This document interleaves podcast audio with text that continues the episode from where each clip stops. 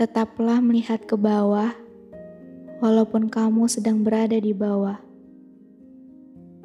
Mungkin saat kamu mendengarkan ini, keadaan duniamu sedang berada di bawah. Tapi, kamu harus tetap belajar bersyukur dan menerimanya dengan lapang dada. Aku pernah melewati masa-masa krisis kehidupan, hampir kehilangan keseimbangan karena tertiup badai kehidupan. Hampir terjengkal karena tersandung kerikil yang kecil tetapi menyakitkan.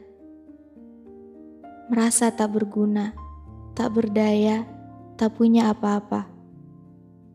Merasa dihantui dengan kesalahan dan ketakutan. Merasa hidup ini gak adil ya. Apa kali ini Tuhan sedang tidur?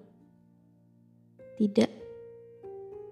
Ternyata kalimat tentang Tuhan gak akan memberikan hambanya cobaan yang melampaui kemampuannya memang benar.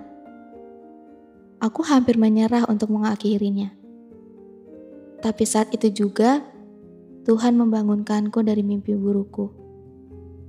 Tuhan memberikan hal-hal baik di hidupku.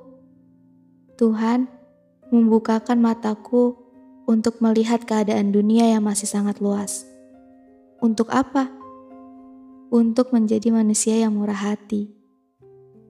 Untuk menjadi manusia yang mudah bersyukur akan kehidupannya.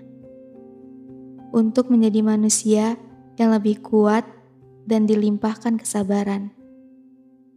Yang perlu diingat adalah, walaupun kita berada di bawah, akan masih banyak manusia lain yang berada di bawah kita.